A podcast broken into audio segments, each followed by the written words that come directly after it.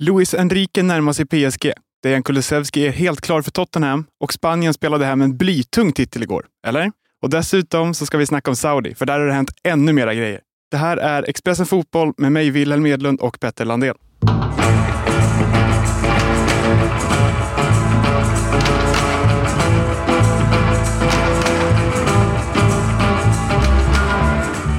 Petter, vi kör igång direkt. Ruben Neves verkar vara så gott som klar för den saudiska ligan. Mm. Eh, och där har vi ju liksom en förändring direkt på vad vi sett tidigare. Att helt plötsligt så är det liksom inte bara gamla rejects som plockas över för hisnande summor, utan nu är det spelare i sin absoluta prime, eh, där det dessutom finns intresse från europeiska storheter som som tar klivet och det är ju eh, nästa steg i den eh, saudiska fotbollsrevolutionen för att Ruben Neves hade ju kunnat spela i så gott som vilket Premier League-lag som helst, eh, eller spanskt lag eller vad som helst.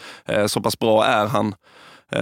Så att han, att han tar klivet nu förändrar ju spelplanen ytterligare, för att helt plötsligt så är det ju liksom inte bara Karim Benzema 35, N'Golo Kanté fyra svåra skador senare och så vidare som, som ska gå, utan, eh, utan en spelare som mycket väl hade kunnat spela ett Champions League-lag kommande säsong. Och han är ju ung som du säger. Kommer det här liksom, är det början på något nytt vi ser eller är det snarare ett undantag? Nej, det är ju, det är ju början på något nytt. Det är jag helt övertygad om. Alltså att Saudi satsar på fotboll, det är så löjligt, löjligt uppenbart. Det är ingen slump att Lionel Messi är turismambassadör för landet. Eh, det är ingen slump att det helt plötsligt under fotbolls-VM i Qatar börjar pratas om att Saudi ska ansöka. Eh, och det har vi sagt, eller jag har sagt det vid andra tillfällen, jag säger det igen, de kommer att få VM 2030. Något annat bedömer jag som högst osannolikt. Ehm, det är ju ledande figurer i landet som åker runt på charmturnéer nu till massa federationer i Asien och Afrika eh, och raggar viktiga röster till en framtida omröstning. Ehm, de har ju sett hur deras eh, grannar i Gulfen lyckats marknadsföra sig väldigt väl. Eh, Abu Dhabis uppköp av Manchester City, Qatars av PSG, fotbolls-VM i Qatar och så vidare. Det här vill Saudi satsa på stenhårt och gör det. Eh, och då går det givetvis, första steget är ju att köpa Benzema-typerna, eh, så att säga. Väldigt bra, men kanske mot slutet.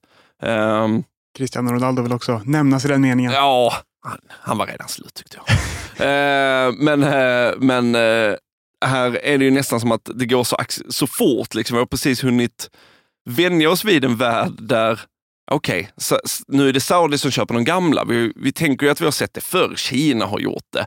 Eh, MLS har gjort det. Eh, liksom. Men det här är något helt annat och det går så fruktansvärt fort. Eh, men jag har svårt att tänka mig någonting annat än att Ruben är liksom den första av ganska många. Eh, kanske inte bara den här sommaren att det går lika fort där, men nästa eh, så tror jag att det kommer att komma ännu mer. För att pengarna som erbjuds är så hiskeliga att det är svårt att, att förstå. Men är det just pengarna som gör att Ruben Neves går till Saudi? Eller ja, ja, det... ja, ja, ja. just nu så finns det ju liksom ingen eh, eh, legit sportslig utmaning på det sättet. Visst, eh, du kan ju hamna i en, en klubb som spelar i asiatiska Champions League och det ska ju liksom inte förringas. Det är givetvis en stor grej även om vi med, vad ska man säga, våra europeiska fotbollsglasögon på inte ser det på samma sätt. Men kvaliteten på fotbollen och så vidare, den sportsliga utmaningen är ju såklart än så länge betydligt mindre. Eh, och framförallt då för en spelare av hans kaliber som hade mycket väl kunnat inte kliva in i vilket som helst, men han är ju bra nog för ett Champions League-lag. Alltså, jag hade inte blivit förvånad om Newcastle till exempel hade varit där. Eller Manchester United för den delen. Var ju lagkapten i Champions League som 18-åring. Så att han, exakt. Har ju, han har det i sig. definitivt, definitivt. Alltså, sen, sen är det ju liksom att han hamnade i Wolverhampton från början är ju liksom en historia i sig. Eh, vi har inte tid att dra den hela nu, men att det är ju liksom en pen, penningtvättsapparat för eh, Jorge Mendes eh, egentligen att skicka dit portugisiska spelare tjänar en jävla massa pengar och det är ju Ska man se det rent krast så är det ju han som är den stora vinnaren på den här övergången också. Givetvis, Ruben Neves får ju liksom pengar han som är större än vad han någonsin kunnat drömma om. Men eh, det får ju Jorge Mendes också. Mm. Jag såg på Twitter att det ryktades om 55 miljoner euro Mm. Han har ett år kvar på kontraktet. Hade Mm. de fått det av någon annan klubb, de Nej. stora pengarna? Nej, det tror jag inte. Alltså, det skulle vara om det är något lag som när säsongen verkligen närmar sig och behöver en tydlig sexa, eh, att lite i desperation kunna pusha upp till de siffrorna. Men, men eh, eh, jag tror att i det här läget finns det inget europeiskt lag som skulle erbjuda den sortens pengar för en nästan nedflyttad spelare, trots att han är bra. Välkommen till Coolbet där spänningen aldrig tar slut och underhållningen står i centrum. Här får du inte bara Sveriges bästa fotbollsodds, du får också en spel...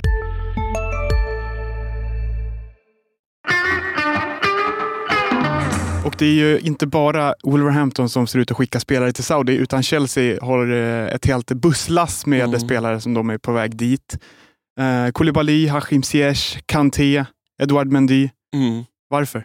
Eh, ja, eh, dels för att Chelsea var liksom förra sommaren Saudi, höll jag på att säga. Eh, men bara en, en liksom ny aktör i ägaren Todd Bowley som, som gick in och bestämde sig för att här ska bågen spännas till bristningsgräns.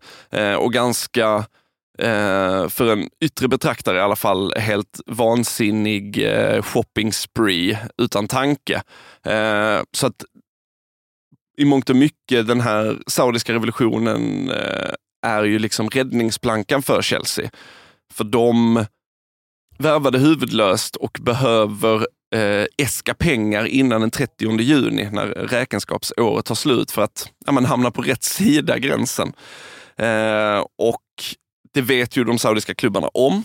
Eh, det är ganska profilstarka spelare allihop. Eh, om vi tar ja, samtliga fyra som du räknade upp är ju troende muslim och det har ju också varit ganska tydligt att, eh, att Saud, eh, de saudiska klubbarna, eller PIF då, som, som sköter förhandlingarna, eh, har ett extra stort intresse av att eh, hämta muslimska spelare. Och det är klart, de får ju ett större renommé såklart i ligan i landet. Eh, jag tror också anpassningsperioder är betydligt lättare. Eh, så att, liksom att, att bygga upp eh, den typen av, eh, av spelare är, är någonting de har siktat på. Och så vet de ju om att Chelsea vill sälja, så även om de erbjuder övergångssummor som, som hjälper Chelsea så, så tror jag att de, de är medvetna om att det här är spelare som kommer att släppas.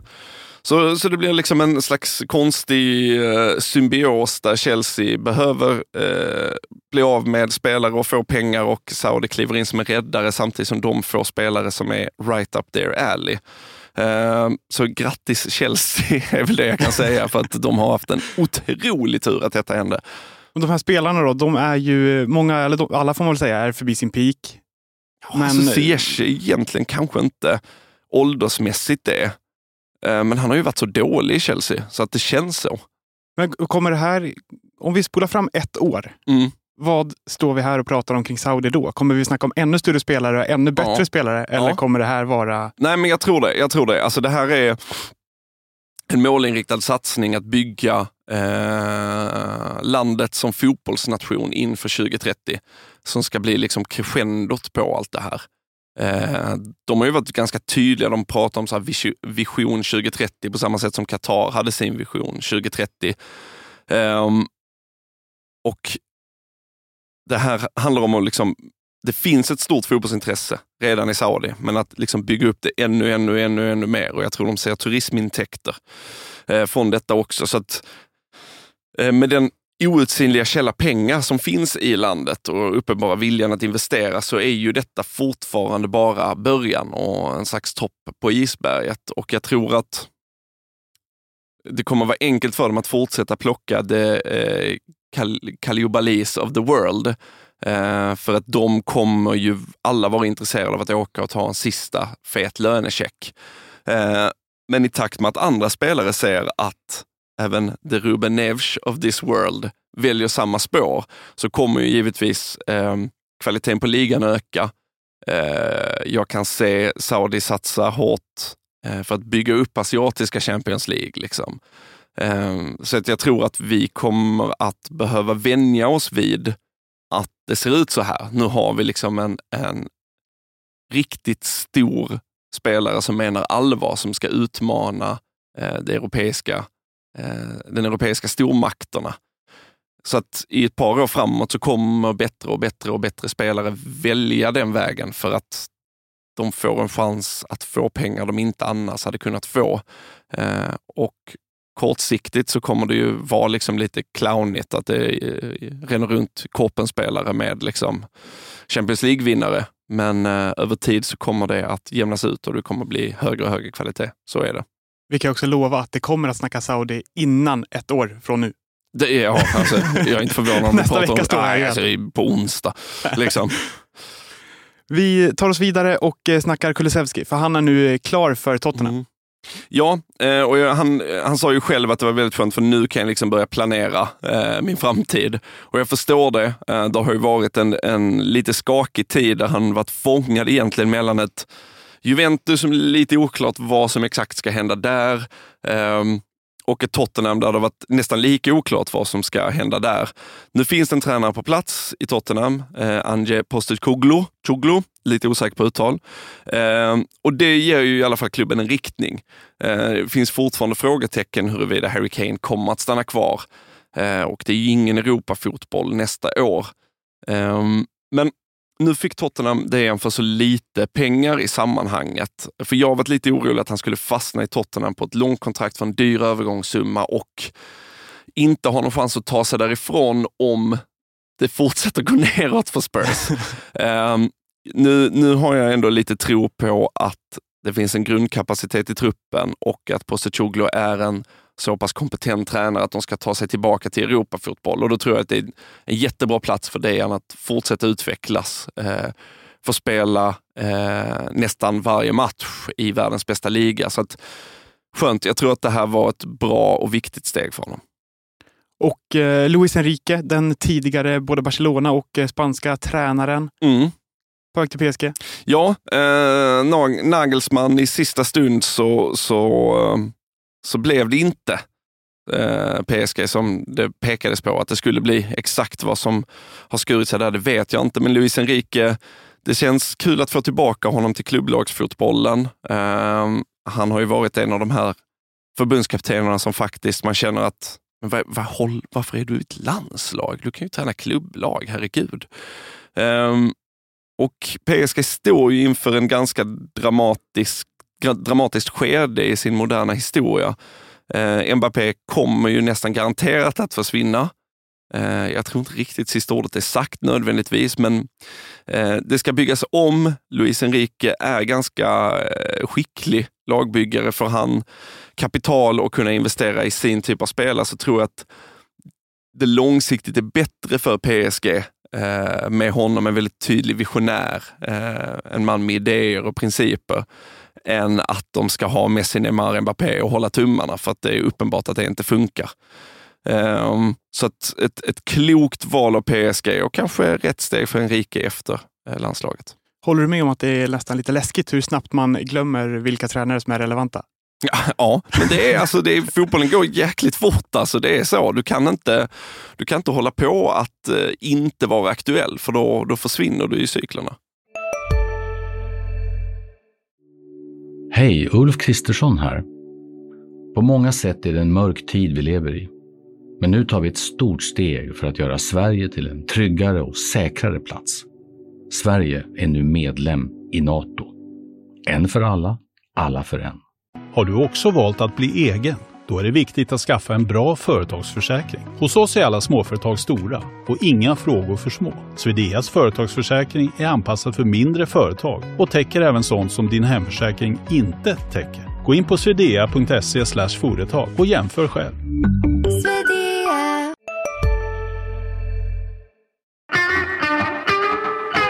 Spanien spelade hem en blytung titel igår, eller gjorde de det?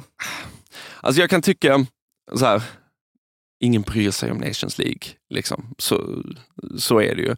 Men jag kan tänka mig efter sättet de åkte ut ur VM, att det ändå finns en psykologiskt viktig komponent i det för Spanien. Att, att på straffar dessutom eh, ta hem segern. Att, att känna att den där Marocko, det där Marocko-uttåget där de skulle ha vunnit jag förstår inte hur Marocko kom undan med den, ärligt talat. Eh, så känns det, jag tror det kändes bra för Spanien att liksom eh, inför ett stundande EM nästa sommar att ha den här i bakfickan och inte vara liksom påmint det senaste stora vi gjorde var den där ganska usla insatsen mot Marocko. Eh, att de är krönta Nations League-mästare, det kommer vi glömma snabbare än vilka tränare som är relevanta. Det, så är det. Jag skrev i mina anteckningar att det är som en landslags supercup. Att om du vinner den så tar du det som en titel och annars så säger du att det är en träningsmatch. Ja, precis. Vinner du den så har du givetvis någonting att, att posta på, på Instagram. Eh, vinner du inte den så vet du inte om att den pågår. Det var allt från Expressen Fotboll idag, men vi är tillbaka redan imorgon och då blir det allsvensk silly med Anna Lavdic.